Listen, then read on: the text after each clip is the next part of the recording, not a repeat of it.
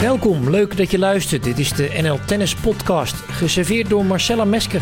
Mijn naam is Jan-Willem de Lange. We beginnen direct met onze hoofdgast, een echte tennisprominent. Hij won 44 dubbelspeltitels, waaronder twee wereldtitels, zes Grand Slams en en passant pakte hij ook nog eens een keer vier enkelspeltitels. Tegenwoordig is hij technisch en commercieel directeur van de KNTB. En ik heb het natuurlijk over Jacco Elting. Jacco, welkom. We beginnen met een paar vragen die je kort mag beantwoorden. De allereerste. Als ik aan tennisjaar 2020 denk, dan zie ik dit op mijn netvlies. Ja, corona helaas. Als je aan je jeugd terugdenkt, wat, eh, wat zie je dan het eerst? Voetbal en tennis, altijd buiten. Ehm, ik zou het graag morgen weer overdoen. Van welke persoonlijke eigenschap heb je de meeste lol? Ik weet niet of ik eigenschappen heb waar ik zelf de meeste lol aan beleef. Mijn meeste eigenschappen die leveren mij een soort neurotisch, dwangmatige manier van werken op. Ehm, ik denk dat mijn persoonlijke eigenschap dat ik graag met andere mensen samen ben. En graag met andere mensen, als ik het naar mijn zin heb, graag samen eten, drinken en klets.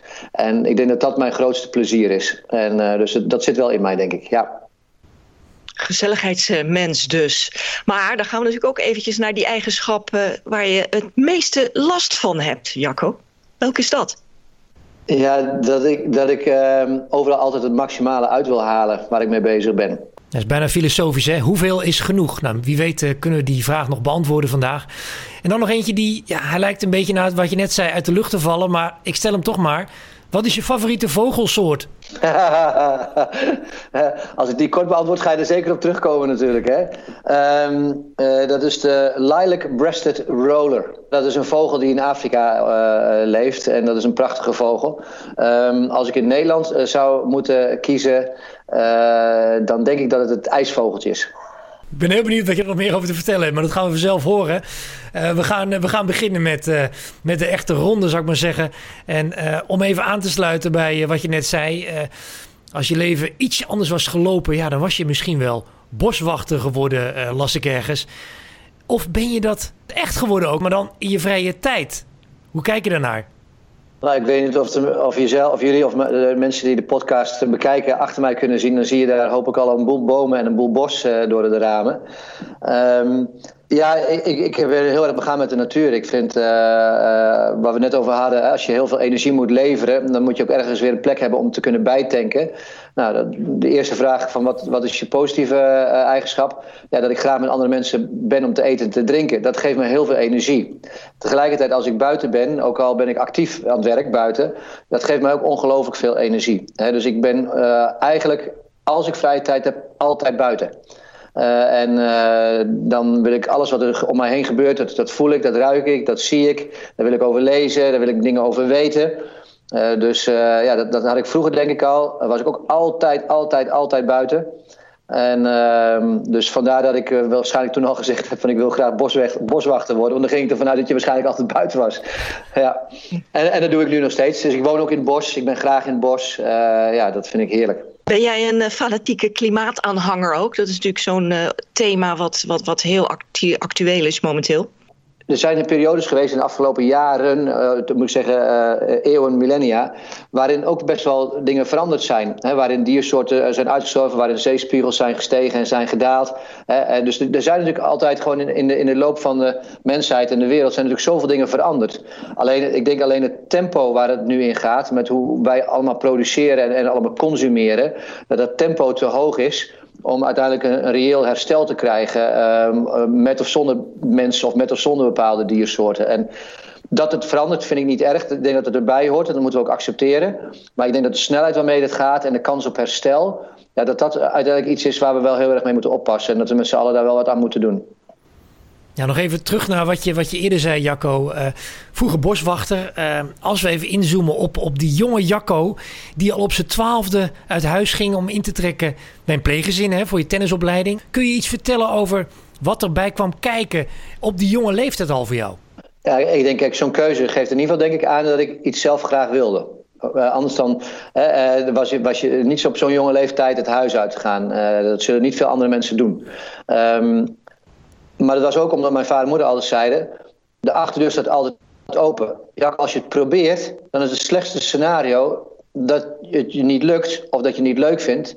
En dan kom je altijd terug. En het terugkomen is naar een plek waar ik ontzettend graag ben of was. dus dat was altijd uh, voor ons een hele belangrijke gedachte. Dat, dat we altijd beseft hebben dat als je iets graag wilt, dan moet je dus ook kleur bekennen. Als je dat niet beseft, ja, dan moet je niet ergens aan beginnen. En uh, nou, helaas is mijn moeder uh, recent overleden. En heb ik een verhaaltje verteld bij haar begrafenis. En dat ging over de rugtas. Nou, dit zijn ervaringen en dit zijn dingen die je rugtas vullen. vanaf het moment dat je in de trein afgezet wordt, in je eentje het laatste stukje door, dat je zelf naar school moet lopen, dat je door de week alleen bent bij je pleeggezin, waar ik overigens perfect naar mijn zin gehad heb. Uh, dat zijn allemaal dingen die je rugtas vullen met zaken die je nodig hebt. Dat als jij iets heel graag wilt, dat je je koers kan houden en dat je dingen kunt accepteren en incasseren om die volgende stap elke keer te maken. En uh, ja, daar ben ik mijn ouders heel erg dankbaar voor. En dat is altijd een constante drive geweest in ons gezin. En ik denk als je dat geluk niet hebt, dat als jouw ouders dat niet op de juiste manier stimuleren, en dat merk ik natuurlijk ook nu vanuit mijn huidige functie op veel plekken, um, dat ze te weinig of te veel uh, de nadruk ergens op dingen leggen, dan ga je zelf niet die, die, uh, dat, dat besef ontwikkelen dat je het voor jezelf moet doen. En niet voor iemand anders. En daarna heb ik het geluk gehad dat Henk van Hulst dat ook, uh, mijn coach, ook in zich had. En dan vorm je, als je daarvoor open staat als persoon, vorm je dan je karakter. hey, uh, Henk van Hulst, je noemde al even, was natuurlijk ook uniek in zijn soort, uniek in die tijd als coach, hè? voetbalcoach eerst, toen tenniscoach. Wat heb je nou uh, specifiek van hem geleerd? Ja, hetzelfde Marcella, gewoon ook, hè, je doet het niet voor mij. Terwijl Henk was heel streng, hè, daar staat hij natuurlijk bekend uh, om, zeker in die tijd. Hè, en was weinig ruimte voor gesprek of discussie. In ieder geval tot, tot je zestiende. je deed gewoon wat er gedaan moest worden. Maar hij, Koud douchen ook, al... hè? Ja, oh, geen probleem. Wij, hij zette er gewoon s'morgen, hadden we net lekker getraind... en dan zette hij de boiler uit van, uh, van de hal... En dan moest je douchen en als je ben je gebeten als je naar buiten kwam met droge haren, weet je wel. Dat was natuurlijk geen... En dat zijn dingen die je nu allemaal bijna niet meer kunt voorstellen. Als je dat nu doet, heb je binnen, binnen een uur heb je de ouders op je dak, weet je. En, um, maar ja, dat zijn wel dingen die heel belangrijk zijn geweest. Ik weet dat Alex mij ooit een keer achter de auto heeft gebonden met een touw nadat ik in Atlanta had gespeeld. Heeft hij me met een touw achteraan de trekhaak gebonden van de huurauto. Hij zei, geef me je rekkentas, maar die ging in de auto. En dan ging je rustig rijden terug naar mijn pleegouders waar we daar sliepen in Atlanta, of ons pleeggezin. En ik moest wel een bepaalde snelheid lopen, want anders ging pijn doen aan mijn knieën en dan werd ik gewoon meegesleurd. Weet je, dat zijn dingen, ja, die kan je nu gewoon niet meer verzinnen. Weet je wel? Uh, maar voor ons werkte dat gewoon prima in, uh, in die tijd. En, en Henk heeft die vorm van discipline in zijn eentje, vaak met Alex erbij of daarvoor met zijn vrouw, ex-vrouw Janice erbij. Stond Henk vaak ook alleen op zes banen met 24 spelers. Ja? Dan kon je een speld horen vallen op zes banen. Je haalt het gewoon niet in je botte hoofd om op een andere baan te gaan lopen klootviolen. Ja? Omdat je uiteindelijk wist, ik pak Henk daar niet mee. Ik pak mezelf daarmee. En ik ga niet op maandagmorgen om kwart over zes in de trein zitten.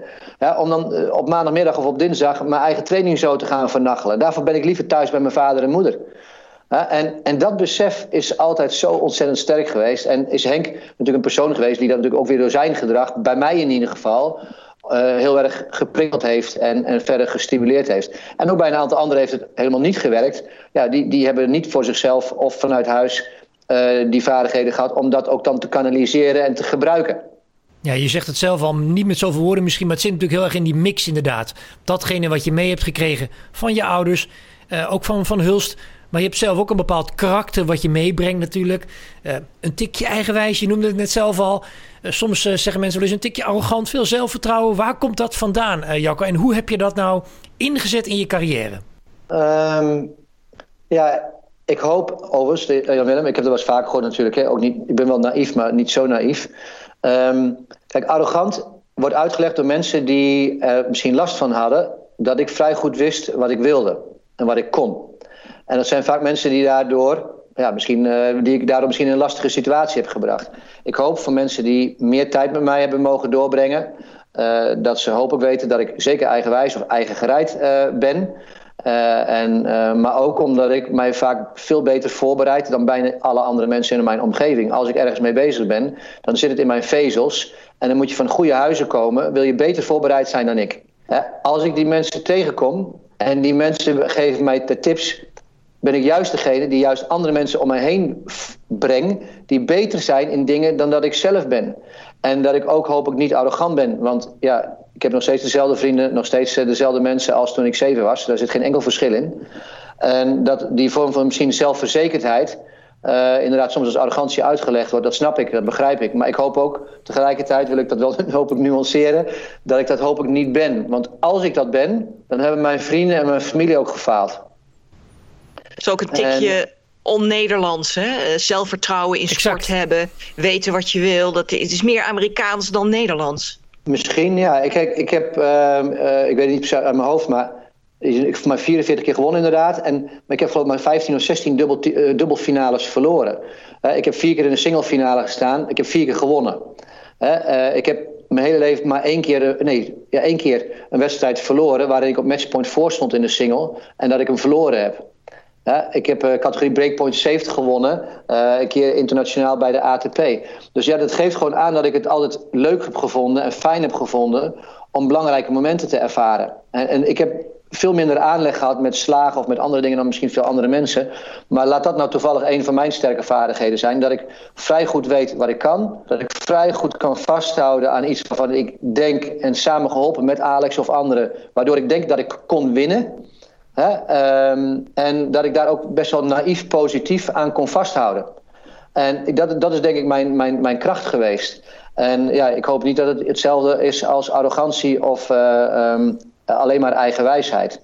En um, ja, ik denk dat dat wel iets is, ja, inderdaad, zo, zo, zoals ik ben of wie ik ben. En uh, heeft mij dat ook geholpen om ook bij onzekerheid ik heb ook een keer periode gehad, twaalf keer eerste ronde heb verloren volgens mij bij de Tour. of wedstrijden waarvan je dacht dat je die zou winnen of dat je zou moeten winnen, die je verloren hebt. heeft mij dat ook wel weer het houvast gegeven om daar toch weer ja, die stroham te pakken. En weer door te gaan met hetgene waar we gewoon mee van plan waren. Dat we ook niet helemaal in paniek raakten als zoiets gebeurde. en um, ja, dat is denk ik ook wel heel belangrijk. Ik heb ontzettende hekel aan verliezen. Daar doe ik alles aan om dat te voorkomen. Maar op het moment dat ik verloren had, heb ik nog steeds, ook in het bedrijfsleven dan is het voor mij douchen, spijkerbroek aan en klaar is Kees. We gaan het hebben over speciale wedstrijden uit, jou, uit jouw loopbaan. Ik denk voor de luisteraar ook, ook heerlijk om gewoon naar te luisteren. Namen tegen wie je gespeeld hebt. Misschien ga je zo meteen wel zeggen, ja, jullie noemen dit wel op. Maar jullie vergeten nog een paar hele belangrijke. Dan horen wij dat natuurlijk ook heel erg graag. Ik hoop dat ik ze nog kan herinneren, Jan-Willem. ja, want de luisteraar kan het niet zien. Inmiddels zit je met een bril uh, te zoomen. Dus uh, Jacco is ook de jonge Jacco niet meer. Maar ik denk dat je geheugen nog hartstikke scherp is. Want uh, dat bleek wel uit wat je net allemaal te vertellen had. Maar als ik zeg Barcelona, Jacco. Ik begin gewoon meteen. Barcelona. Ik noem er nog een naam bij met een A. ja, dat is een makkie. Ja, dat is een makkie. Ja, dat is een makkie. Dat is Agassi.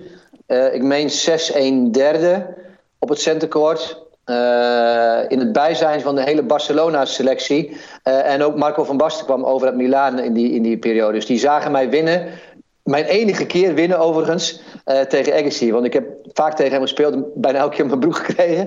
Maar dat is de enige keer dat ik van hem gewonnen heb op gravel. En uh, ja, dat was een van mijn mooiere uh, single-overwinningen in mijn carrière. Dat ik van hem mocht winnen. Uh, en ook onder die omstandigheden. Dat was ook in die, in, die, in die fase van mijn carrière was dat een hele belangrijke, hele belangrijke wedstrijd. En Misschien aardig belangrijk... om even te zeggen om wie het ging. Hè? Want het waren Ronald Koeman, Marco van Basten, zei je al. Maar ook Johan Cruijff. En het was in 1992. Nog even de, de, de, de feitjes erbij. Want dat zijn natuurlijk ja, de Nederlandse voetbalvedettes. Lijkt me ontzettend gaaf. Heb je met ze over sport gepraat? Zeker. Ik heb voorrecht gehad om uh, veel van deze mensen ook niet alleen die uh, periode, ook daarna en daarvoor nog uh, vaker te hebben mogen ontmoeten. En dat was in die tijd wel heel erg leuk, omdat je, dat was natuurlijk in Barcelona vaak het geval, als we daar speelden, dan speel je natuurlijk niet alleen in 92, maar hebben we natuurlijk meerdere jaren gespeeld. Ja, zijn we heel vaak bij de training van Barcelona wezen kijken, ook toen Louis van Gaal daar coach was, ook bij wedstrijden wezen kijken. we hebben vaak meegevoetbald met Koevermans en met Haarhuis, hebben we vaak meegevoetbald in de training. Ja, en ook wel weer een voorbeeld, Jacco, dat je het niet erg vond om grote momenten uh, mee te maken en, en dan ook te pieken. Ik kan me Agassi herinneren die ooit op Roland Garros voorstond. En Bill Clinton kwam in het stadion en hij heeft geen, uh, geen game meer gepakt bijna. En jij zit daar, zit daar met Johan Cruijff. Zag je die trouwens? Heb je dat tijdens de wedstrijd, heb je hem ook gezien? Ja, natuurlijk. Dat uh, is lastig om als zo iemand in het stadion is om hem te missen. Dat, dat gaat haast niet anders. Maar nee, dat, dat is natuurlijk prachtig. Het is wel ook uniek geweest voor mij, omdat uh, Agassi, uh, ja, dat ik daar van Agassi won. En dat, dat, dat vind ik voor mezelf uh, misschien nog wel belangrijker of mooier dan dat deze mensen natuurlijk daar getuigen van geweest. Dat maakt het nog mooier. Maar ik heb natuurlijk, ik geloof, weet niet maar, voor maar zeven keer of zo tegen Agassi gespeeld. En dus zes keer op mijn broek gekregen. En waarvan twee keer, één keer in de kwartfinale, één keer de laatste, laatste 16 op het centercourt van Wimbledon. die, die koekenbakker heeft mij een paar hele kostbare en waardevolle herinneringen ontnomen. We gaan niet je hele palmares aflopen, Jacco, want dan ga je denk ik echt naast je schoenen lopen. Dat moeten we niet hebben vanochtend. maar ik ga nog wel één wedstrijd eruit halen. Ik ben benieuwd of jij weet waar ik het over heb, want na afloop... kwam je met deze opmerking: Gooi neer die telefoon, mam. Ik kan jullie niet bereiken. Waar heb ik het over? Wat voor wedstrijd? Heb je enig idee? Goh, dat is goed, Willem. Ik heb geen idee, jong. Als ik mijn moeder belde, dat, dat de telefoon erop dus er moet al wel de tijd zijn van de mobiele telefoons. Hè? Want ik heb ook nog een tijd meegemaakt dat er nog geen mobiele, mobiele telefoons waren. 19, ik heb geen idee, Jan Willem. 19, 1993, een Amerikaanse hardcore partij. Nummer 1 van de wereld. Amerikaan. Ja, ik heb tegen Sempers gewoon in Philadelphia. Uh, als je daarop doelt, zou dat die wedstrijd dan moeten zijn, denk ik. Um, ik, en ik, maar ik kon me niet meer herinneren dat ik toen uh, naar huis heb geprobeerd te bellen. Dat zal waarschijnlijk in de krant ergens in een interview gestaan hebben of zo, denk ik. Ja. Maar daar, daar, daar, overvallen jullie mij mee. Uh, maar uh, ja, ik, tuurlijk, hey, ik was hartstikke blij. Laat dat, laat dat duidelijk zijn.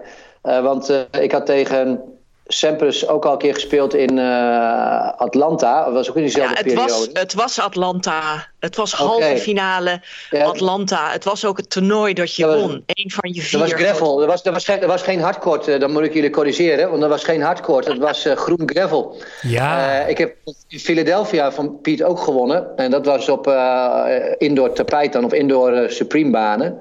En um, nee, dat klopt. Toen won ik in de halve won ik van hem in Atlanta. En daarna won ik in de finale van Brian Shelton. Uh, dat was op groen gravel. En uh, dat was uh, ja, een hele mooie ondergrond ook. Daar speelde ik graag op. Dus dat was een mooi toernooi. Ja. Je deed het namelijk heel vaak goed tegen Sampers. Die hield niet van jouw speelstijl. Hoe kwam nee. dat? Nou, achteraf heb ik me uh, wel uh, slecht gevoeld. Want ik stond 2-0 in wedstrijden voor. Ik had twee keer van hem gewonnen. In, uh, twee keer in twee sets. En de derde keer speelde ik tegen hem tegen Parijs indoors. En toen verloor ik, ik meen 6-4 of 7-5 in de derde set. Maar toen heb ik een kans gehad, ook een break gehad volgens mij. Een set en een break ergens. Om ook die derde wedstrijd tegen Sampras te winnen. bij Bercy. En ja, die heb ik toen helaas vernacheld. En maar daarna, en dat is het nadeel van Sampras, heb ik zo'n onvoorstelbaar pak rammel van hem gehad. Uh, tijdens de Davis Cup ontmoeting op de Mullerpier tegen Amerika. En ik moet eerlijk zeggen dat die twee overwinningen bij begin... door die enorme pak slaag wel enorm uh, zijn weggevaagd, moet ik eerlijk bekennen. En uh, daar heb ik zo'n pak slaag gehad van Sampras. En toen kwam hij naar mij toe, na die wedstrijd op de Mullenpier. En toen zei hij, uh, sorry Jacco. Ik zeg, waarom dat dan jongen? Ja, dat is wel echt een van mijn allerbeste wedstrijden geweest. Ik zeg, nou dat is het laatste wat je dan tegen mij had moeten zeggen. Ik zeg, maar dan geef ik je wel 50 dollar. En toen zei hij weer, sorry? Ik zeg, ja, ik zeg, als ik een tennisles krijg, dan moet je ervoor betalen. dus uh, dat is wat mij, wat mij Sampras is. Sampras is mij meer een, pak, een gigantisch pak slaag de laatste keer... dan dat de eerste twee keer dat ik van hem heb gewonnen. En, en, en, nog even om, om dit mooie blokje af te sluiten, Jacco. Hoeveel spelers hebben jou een clown genoemd tijdens je carrière? Nou, ik denk meerdere, maar eentje hardop. En uh, dat, was natuurlijk, uh, dat was natuurlijk Thomas Moester. Uh, ja. Later gelukkig een hele goede maat en een hele goede vriend van mij geworden. Ehm, maar ehm, tijdens actieve carrière had ik aan hem en, en ook aan zijn coach en, en, die, en zij aan mij. Ronnie Lightcap was dat in die tijd sappen de flap, wat was dat water en vuur. En uh, dat kwam uh, natuurlijk tot uiting uh, tijdens de Australische Open in het jaar dat ik tegen hem speelde en van hem won. En dat deden ze alles aan om mij van tevoren al te intimideren en mij lastig te maken. En op de baan won ik gelukkig van hem. Maar hij bleef gewoon doorgaan, ook nog in die persconferentie na afloop. En toen, toen heb ik gezegd in de kleedkamer en ook in de pers volgens mij geweldig dat hij zo boos wordt. Ik zeg, want nu heb ik blijkbaar precies de manier gevonden... waarom ik de volgende keer als ik weer tegen hem moet spelen... weer mee ga pijn doen. Dus hij gaat nooit meer van mij winnen. hij, heeft, hij heeft overigens wel gedaan waar jij ook nog wel een tijdje van gedroomd hebt. Hij is verhuisd naar Australië. Hij heeft er nog eens een keer zo'n grasbaan in zijn tuin gelegd. Heb ik jou nog niet zien doen, eh, Jacco? Is dat nog iets wat in je hoofd zit ergens? Nee, ik heb een gravelbaan in mijn tuin aangelegd in Nederland. en uh, daarvoor hou ik toch te veel van mijn uh, eigen ouderlijke omgeving, uh, Jan Willem. En ben ik graag in de buurt van mijn trouwe familie en vrienden. ben ik ook ontzettend graag in Australië. maar dit is thuis. Heb je trouwens nog een wedstrijd waar je denkt van nou, daar heb ik de allerbeste herinnering aan. Stieg, eerste ronde Wimbledon. Die heb ik echt in straight set naar huis gestuurd. Op centercourt. Dat is echt voor mij eentje. Dat was oud-winnaar natuurlijk. Hè, en op gras. Uh, nou, jullie weten dat het een zeer goede grasspeler was. En uh, dat, dat is echt eentje, die, daar ben ik ongelooflijk trots op. Als je praat over waar ik trots op ben. We gaan door met, met iets anders, Jacco. Namelijk uh, je huidige werk. Er valt namelijk zoveel te bespreken. we hebben een een bericht, een persoonlijk bericht voor jou van iemand gekregen. En uh, we spelen hem even af. Hey Shaki, hier uh, Yui.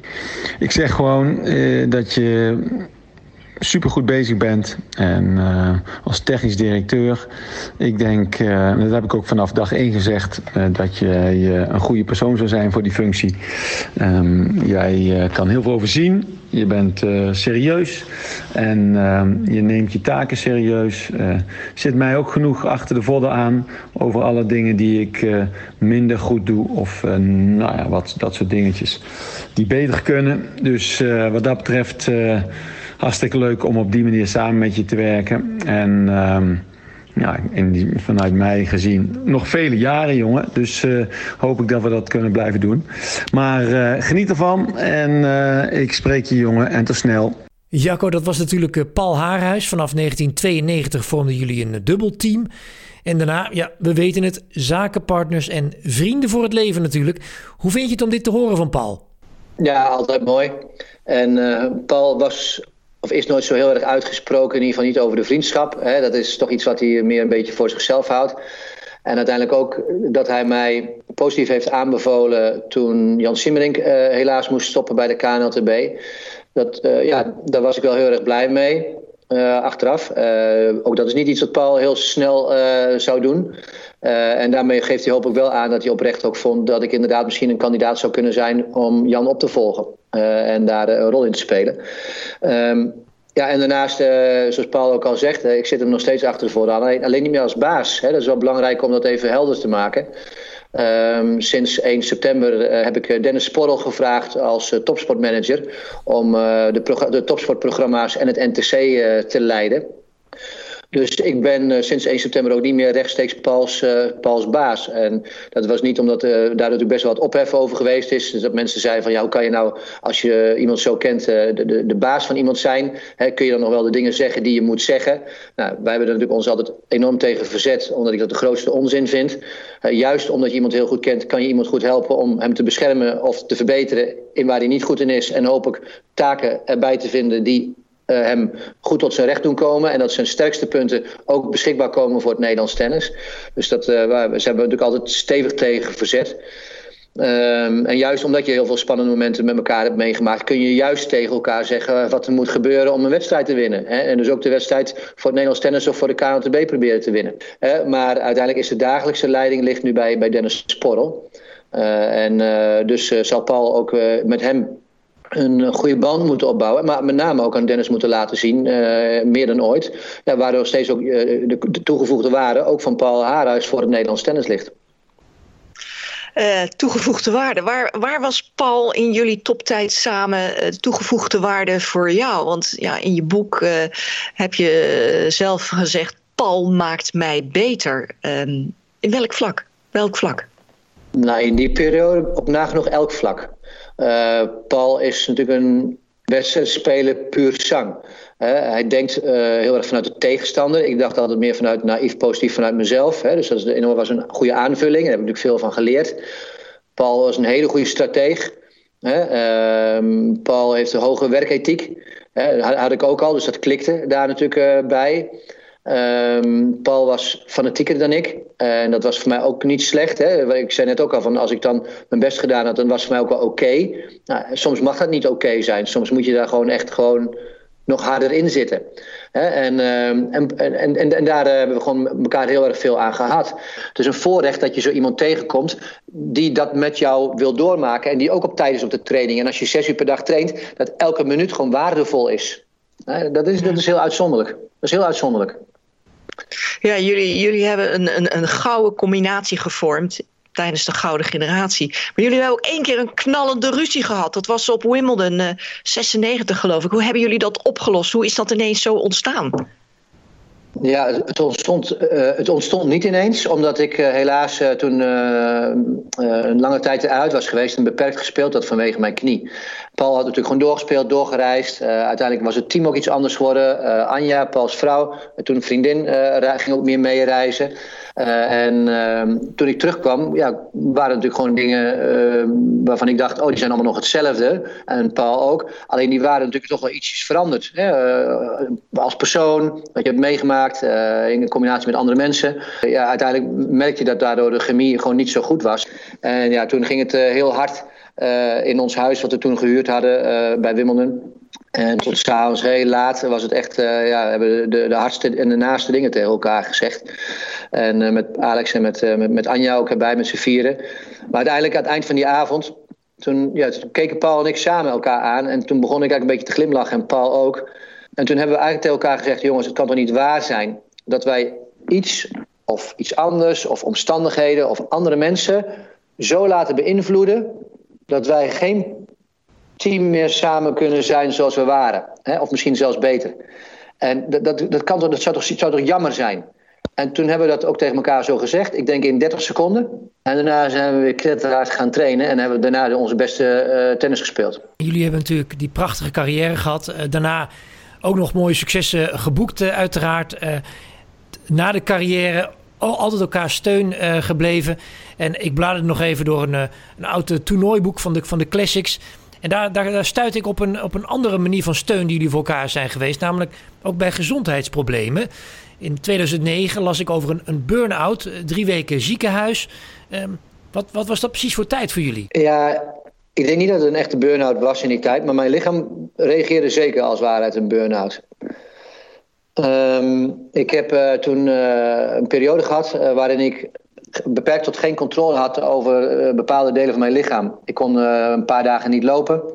Um, delen van mijn gezicht deed het niet zo goed en mijn vingers niet. En, uh, dus ja, kortom, er was een storing van het auto, auto, autonome zenuwstelsel. Waarschijnlijk door een auto-immuunziekte. En wat het precies was, dat weten ze nog niet helemaal zeker. Ze vermoeden twee, drie dingen. Maar ja, lang verhaal kort, ik kwam in het ziekenhuis en Paul in die tijd was ook ziek. En dat heeft natuurlijk niet aan veel mensen verteld. Ook, dat is ook typisch Paul. En uh, Paul heeft ook uh, heel zwaar gehad en zelfs op het randje geweest. en dat is niet aan mij om daar verder over uit te wijden, ook nu niet, vind ik. Um, maar dat hadden we allebei dus meegemaakt. En toen in diezelfde periode gingen wij met Richard en Jan naar Sten toe. Dus we zijn naar, naar Suriname geweest. En uh, ja, dat was voor mij een hele mooie reis. Uh, om met elkaar te zijn en met Sten te zijn. En de dingen die we met elkaar gedeeld hebben daar. En toen kwam eigenlijk naar voren van... Goh, is het, zou niet leuk zijn om toch weer een keer te gaan spelen? En toen zei Richard, nou, waarom niet in Ahoy? Was toen al toernooidirecteur daar. En uh, nou, zo, zo, zo gek is het toen daar ontstaan. En dat was voor Paul maar echt om te vieren dat wij gewoon weer gezond werden en beter werden. En dat we gewoon zeiden, ja weet je, we mogen zo dankbaar zijn voor wat er geweest is en wat we allemaal nog weer kunnen. Uh, dus dat zou een hele mooie viering daarvan zijn. En uh, zodoende hebben we ons erin laten luizen om volle bak toen te gaan voorbereiden om nog een keer in Ahoy te spelen voor, voor een uur en twee minuten. De wedstrijd was, was niet veel, maar de persconferentie kan me herinneren was erg leuk na aflopen, Jacco.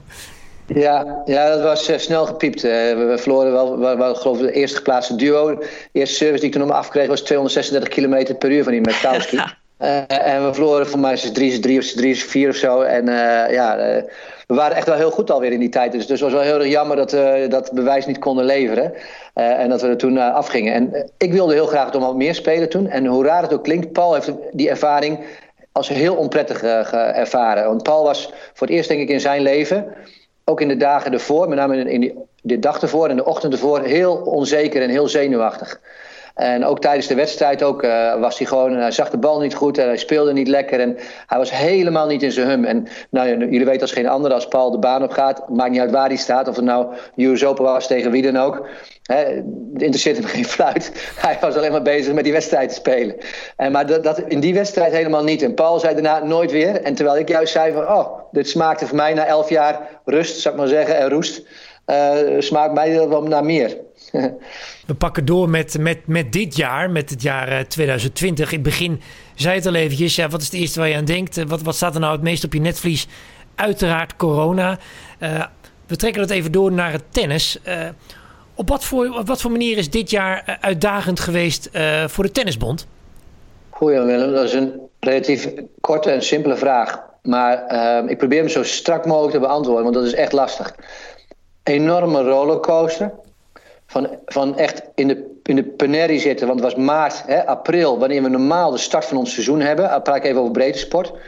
Hè, waarin normaal alle mensen intreden. En dat zijn er veel bij tennis. Hè. Bij ons muteren 50, 60.000 mensen per jaar. Uh, voorjaarscompetitie die onder druk stond. Uh, nou, uiteindelijk, als je ziet, we praten over vele miljoenen waarmee onder druk stonden uh, ten aanzien van de bond.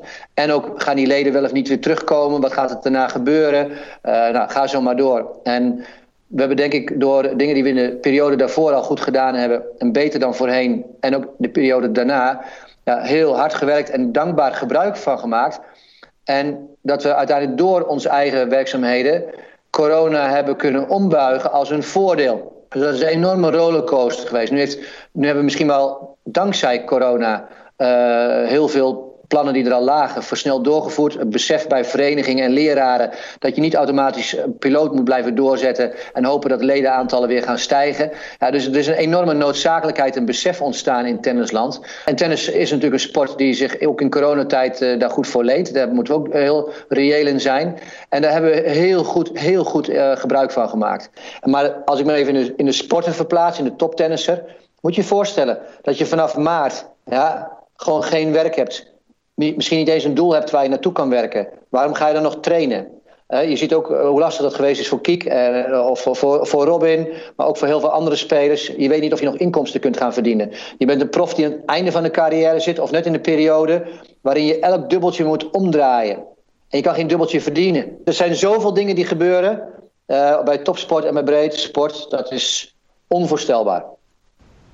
Hey, je noemde Kiki uh, eventjes, uh, Kiki Bertens. Het is natuurlijk voor haar een jaar geweest uh, zonder echt grote uitschieters. Um, nu die Achillespees-operatie. kijk je terug op haar beslissingen en op haar prestaties. Heeft ze daar vermogen gepresteerd, denk je? En, en hoe zal de weg terug voor haar zijn? Um, positief na die operatie? Um, hoe, hoe zie jij dat? Nou, ik zie in ieder geval in dat Kiki samen met het team een hele bewuste keuze heeft gemaakt. He, die Achillespees die sluimert. En jullie weten als geen anders, als iets in je lijf of in je kop sluimert. En zeker denk ik ook bij Kiki, die heeft het vaak over rust in haar hoofd. Ja, als er dingen sluimeren, heb je geen rust in je kop. En dan ga je nooit de goede resultaten halen die je zou kunnen halen met wat je in je, in je, eh, ja, in je mars hebt. Dus daarom denk ik dat zij verstandig aangedaan heeft om uiteindelijk deze beslissing te nemen, hoe vervelend die ook is. Want als dit hopelijk goed oplost en ze is daardoor weer gezond, dan sluimert er hopelijk niks meer in haar kop. Dan is er rust en dan is er ruimte voor dezelfde of betere prestaties die ze geleverd heeft. Maar je maakt het jezelf wel verdraaid moeilijk. Want de tenniswereld gaat door. De meiden zitten niet op je te wachten. Je hebt vaak weer een aanloopperiode nodig om weer diezelfde vorm te bereiken. Door ook niet alleen te trainen, maar veel wedstrijden te spelen. Dat heb je ook gezien toen Tiek terugkwam na de coronaperiode. Hè, uh, dat zij toch weer even daar wat momentum nodig heeft. En iedereen, ja, ze wachten niet op je. Dus is Kiki een hele mooie scalp om te pakken. En dan, als je dan een aantal keren nip verliest. En een aantal dingen net niet zo uitspeelt zoals je uit hebt gespeeld in die periode dat je maximaal zelfvertrouwen hebt. En dan gaat het ook een beetje knagen aan je vertrouwen. En, en dat is ook een heel erg ondefinieerbaar begrip. En als die twee dingen bij elkaar komen, een stukje twijfel over je lijf en daarnaast een stukje uh, vertrouwen, ja, dan is het heel moeilijk om die resultaten te zetten. Ik denk dat voor haar heel belangrijk is dat zij in ieder geval, ook, ook voor mij hoort, maar dat weet ze zelf denk ik ook wel, dat ze in ieder geval heel, dat ze zeer wel overwogen keuzes heeft gemaakt. En daardoor kan je jezelf achteraf nooit iets verwijten. En als we het Nederlands tennis wat breder benaderen, we, we, we, we zoomen nog iets verder uit. Uh, je noemde het zelf al, een uitdagend jaar geweest. Uh, Tegelijkertijd die terugval van leden van 2018, 2019, die is gewoon helemaal omgebogen. Um, nou, terug van de laatste 20 jaar, Jan Willem, hebben we omgebogen. Hè? Elke 20, 20 jaar lang is het steeds verder achteruit gegaan. Ja, nee, dat is, dat is natuurlijk fantastisch voor de, voor de tennissport. Uh, en de hamvraag, neem ik aan, ook voor jou, is toch ook wel, uh, hoe ga je ze behouden? Wat, wat, wat, wat, is, wat zijn jullie overwegingen daarin? Keuzes, visie? Ik, ik ben benieuwd. Ja, die, gelukkig zijn ze talrijk. Um, ook daar weer heel lastig natuurlijk om daar in detail op in te gaan. Maar met name het feit dat wij dichtbij gepercipieerd worden, meer dan ooit, dat moeten we zien vast te houden. Ik denk dat we dat hebben laten zien de laatste tijd. Dat het ook het gevoel is als je rondom verenigingen loopt en mensen die van nature eh, wat meer azijnpissers zijn geweest. En vaak ook met terechte argumenten overigens, dat die hopelijk nu ietsjes milder zijn geworden. Natuurlijk, we kunnen nooit iedereen tevreden stellen. Maar ik denk dat dat gevoel in Nederland op dit moment wel aan het verbeteren is. Dat mensen voelen dat, weer het rare woord, toegevoegde waarde die geleverd worden door de KNTB op elk gebied, dat die aan het groeien is. En uh, dat moeten we doorzetten. En dat doen we natuurlijk vanuit hele goede plannen en een spoorboekje aan de hand van waar waarvan wij werken. En met name met een veel betere vorm van communicatie, ondersteund door hele sterke ICT. En uh, ik denk dat dat dingen zijn waar we heel erg op inzetten op dit moment. En bij topsport heb ik heel erg geprobeerd te sleutelen in de afgelopen tijd aan structuur. Dat structuur nooit meer een excuus kan zijn voor cultuur. En dan zijn we ongeveer een half jaar, jaar geleden begonnen om met name de cultuur echt te gaan aanpakken. En ook weer zo'n ondefinieerbaar begrip. Maar dat iedereen meer dan ooit moet gaan voelen dat ja, we omarmen. We willen mensen dichterbij krijgen om hun kans te geven om hun talenten te benutten. Maar nadat je die kans hebt gekregen, moet je wel aan de lineaal gaan voldoen die echt bij topsport hoort. Dat geldt voor onze eigen medewerkers voor de mensen met wie wij samenwerken als inlener. Dat geldt voor onze spelers. Er is een hele waterval aan alles wat er is gebeurd. Bedankt voor het delen daarvan. Ik ben er wel benieuwd naar, jou, naar jouw persoon. Hè? Uh, drie jaar geleden uh, begonnen uh, bij, bij de KNTB, inmiddels het NTC in Amstelveen. Maar ik ben wel benieuwd, wat heb je nou zelf moeten leren als, als technisch directeur van de KNTB? Ik weet niet of ik heb moeten leren, maar ik moet me er bewust van zijn en meer tijd aan besteden om beter te luisteren. Uh, en mensen uit te laten spreken. En uh, ik heb gauw de neiging dat ik al zo over nagedacht heb en zo mee bezig ben. En nogmaals, luisterend ondertussen ook naar andere mensen en, en, en ideeën van andere plekken op te halen. Alleen dan heb ik er al zo mee gespeeld. Uh, en dan weet ik al zo graag waar ik dan naartoe wil dat ik dan te weinig ruimte laat en daardoor mensen ook te weinig dan deelgenoot laat zijn. dat is iets wat mijn valkuil is. En daar ben ik van bewust. En ik hoop en ik denk dat ik dat de laatste drie jaar ook, uh, ook steeds meer toepas. Um, maar uiteindelijk is het wel zeg mijn, mijn zegen en, en mijn vloek. Ik moet wel de beslissing maken. Ik moet wel ergens voor staan en de keuze maken. En ik wil mezelf daar en ik word daar en ik moet daarop afgerekend worden. En dat is denk ik heel belangrijk. En wat ik ook geleerd heb, uh, is dat we moeten heel veel luisteren. Maar hoe meer je luistert naar andere mensen en ook andere dingen uit het buitenland, hoe meer je moet realiseren dat je het wel steeds moet vertalen naar de Nederlandse setting, met onze mensen, met onze budgetten, met onze normen en waarden, met onze kaders. En dat als je die vertaalslag ook niet goed maakt, dan kan je de mooiste dingen zien overal. Maar als je die niet goed vertaalt naar de mogelijkheden die wij hebben en zoals wij in elkaar steken, dan heeft het voor een Nederlands kind of een Nederlandse speler geen enkel nut. Je hebt in, in jouw functie natuurlijk uh, contact met, met de hele Nederlandse tennistop. Je zegt altijd best wel een behoorlijke groep uh, geworden. En van, van een van hen kregen we een persoonlijk berichtje. Uh, speciaal voor jou. luister maar even, daar komt hij. Hoi Jacco, Robin hier. Ik ben gevraagd om uh, iets over jou uh, te vertellen. En uh, ja, en ik vind dat eigenlijk iedereen moet weten ja, hoe, hoe je altijd voor iedereen klaar staat. altijd een luisterend oor hebt en, en probeert om mee te denken. en dat kan voor de kleinste dingen zijn, maar ja, je bent er altijd voor iedereen. Dus dat is echt een geweldige eigenschap. Tja, Jacco, en dan nu het uh, verbeterpunt. Uh, dat is, uh, vind ik altijd lastig. sowieso praten wij regelmatig en hebben we ja, leuke gesprekken of discussies over bepaalde aspecten. En geven elkaar altijd um, ja, duidelijk onze mening. we zijn altijd oprecht, dus dat is nou, eigenlijk nog een positief punt. Hè? Maar ehm, ik wil niet per se een verbeterpunt geven, maar eigenlijk meer een vraag. Uh, je bent natuurlijk technisch directeur uh, met heel veel hooi op je vork.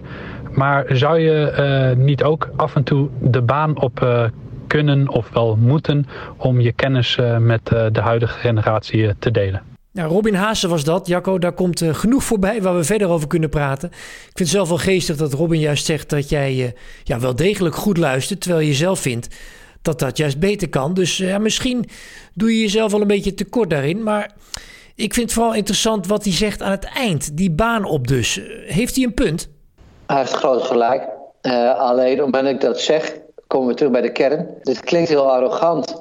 Want ik zie het ook als een compliment wat hij zegt. Uh, omdat hij blijkbaar toch ook gevoeld heeft of vermoedt dat ik ook meer toegevoegde waarde nog zou hebben voor het Nederlands tennis als ik ook dichter bij de baan zou zijn.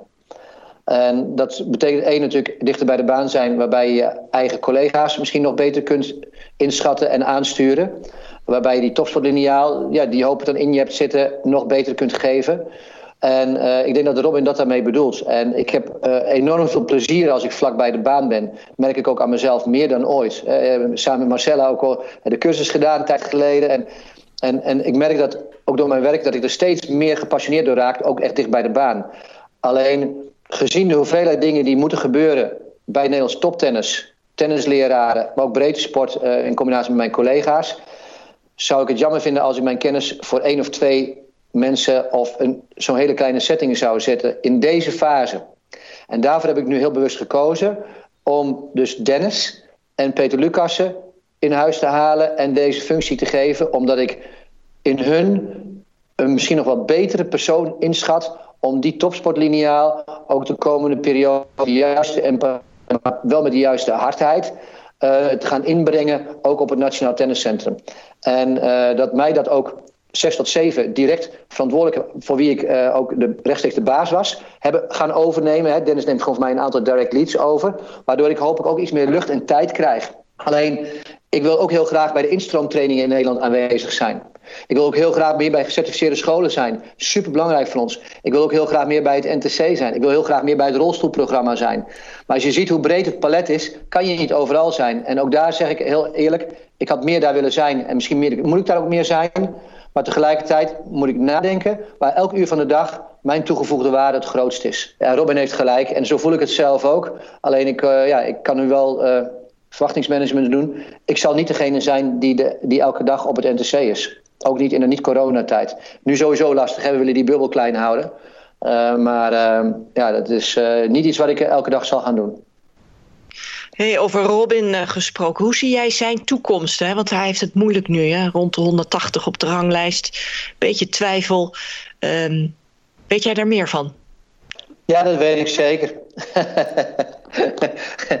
maar of dat hier aan mij is om dat met jullie te delen, dat denk ik niet. Um, maar uh, nou, Robin gaf net zelf aan, uh, ja, we hebben overleg. En als Robin wil, dan weet hij mijn mo mobiele nummer of dan spreken we af. En kijk, hij zit in een situatie waarin ik helaas ook ervaringsdeskundige ben. Niet op basis van dat hij wat ouder is. Ik was natuurlijk een stuk jonger. Maar mijn knie heeft uiteindelijk ook mijn einde van mijn carrière ingeleid in de single. En toen stond ik ook nog steeds goed in de dubbel. dus het praktische aspect, dat ken ik helaas wel. Ehm, daarnaast ja, denk ik ook wel dat ik veel dingen zoals hij in het leven staat enigszins kan inschatten. Um, en Robin staat nu natuurlijk voor een hele lastige keuze. Uh, maar waarbij ik in ieder geval hoop en denk dat hij er verstandig aan doet om in ieder geval op het moment dat hij die keuze definitief gemaakt heeft, dat ook openlijk uit te spreken naar iedereen. Omdat iedereen dan ook dan op die manier hem op een, die manier kan inschatten. als hij nu gaat spelen en iedereen verwacht dat hij weer top 30 van de wereld gaat halen, dat is niet reëel. Maar als Robin gaat spelen omdat hij zegt: Ik ben nog niet klaar met tennis, ik wil nog een aantal hele mooie dingen doen. Ik wil nog een keer voor de Davis Cup spelen, ik wil nog een keer een toernooi, een in een Grand Slam winnen, of ik wil nog een Challenger winnen. Ik, noem even wat. Dan is het misschien niet meer uh, top 50 in de single, maar dat zijn misschien nog wel fantastische prestaties waar hij heel gelukkig mee zal zijn voor de afronding van zijn carrière in de laatste jaren. En wie zijn wij dan om te veroordelen dat hij daar wel of niet verstandig aan doet, als dit hetgeen is wat hij het liefste doet. Uh, maar ik, adviseer hem wel, en misschien een tip aan hem terug, om daar helder over te zijn. Uh, ook naar buiten toe. Want dat gaat enorm helpen om dat ook op de juiste manier, met de juiste steun en juiste begrip van iedereen te kunnen gaan doen. Met hoeveel energie die nog in zijn lijf heeft. Je riep in 2017, uh, september was dat, over tien jaar acht tennissers in de top 100. Geloof je daar nog in? Nee, dat heb ik niet gezegd. Ik heb gezegd dat zoveel mensen, één op de vier, pardon, uh, nee, uh, moet ik het goed uitspreken. één op de zoveel, ik even niet uit mijn hoofd zo snel, een Nederlander zou moeten zijn. Zo, zo heb ik het voor mij. één op de zoveel proftennis moeten zijn. En daar werd natuurlijk door de pers natuurlijk meteen gezegd zoveel in de top 100. Want dat is natuurlijk elke keer de vertaling. En Nederland moest bij de top 10 tennislanden horen. was een regel bij de KNLTB. Nou, die heb ik per direct eruit gegooid. Want het slaat nergens op. Als jij seniorentennis en proftennis en jeugdtennis en rolstoeltennis allemaal op één hoop gaat gooien. Om te zeggen dat je bij de beste 10 landen gaat horen. Dat is onzin. Maar ik vind wel dat sowieso bij dubbelspel. Um, maar bij het enkelspel, dat wij natuurlijk met onze infrastructuur hoe Nederlanders zouden moeten zijn qua geest en qua lijf. Ja, dan moeten wij natuurlijk wel op constante wijze een hogere prestatie leveren dan dat we tot nu toe doen bij de single. Dubbel, hè, onderschat niet waar we ondertussen staan. Hè, daar doen we best wel mooie dingen natuurlijk in de afgelopen jaren. Hè, en de fantastische dingen zelfs. Hè, uh, Wesley die nu ook weer kwalificeert voor de voor, uh, finale. Demi die dat goed gedaan heeft. Jules die het een paar jaar achter elkaar gedaan heeft. Dus daar doen we echt mooie dingen. Maar bij de single zijn we te afhankelijk geweest van Kiki en van Robin in de afgelopen periode. En moeten gewoon zorgen dat we goede spelers erachteraan krijgen. En als je nu kijkt naar de prestaties nu bij Futures en Challenges, hebben we nu een groep mannen en een groep dames nog wat minder, maar bij de mannen wel. Ja, die eigenlijk constant beter gespeeld heeft dan drie tot zeven jaar geleden. Die futures winnen, die challenges goed spelen. Alleen ja, dat is niet op het topniveau. Dus het is eigenlijk heel duidelijk. We moeten zorgen dat dat groepje wat daar zit, aangevuld weer met een aantal jonge mensen, dat dat groepje net hier iets eroverheen gaat, net iets hoger gaat zijn. En dan gaat hopelijk iemand ons verrassen. Hebben we op dit moment een top 30 materiaal zo lopen? Nee, daar kan ik heel hard en heel duidelijk in zijn eh, bij de mannen en bij de vrouwen. In ieder geval niet in de eerste acht tot tien jaar. Hebben we spelers die daar dicht in de buurt kunnen gaan komen als de dingen klikken en de zorg om hen heen sluit en ze gaan zelf de juiste keuzes maken? Zeker weten. Er gaat echt iemand ons daarin verrassen. Jacco Elting was dat, directielid bij de KNLTB, maar vooral ook een gepassioneerde, enthousiaste en creatieve duizendpoot. Vond je deze podcast leuk en wil je de volgende niet missen? Abonneer je dan via de bekende kanalen. Voor nu bedankt voor het luisteren en tot de volgende keer.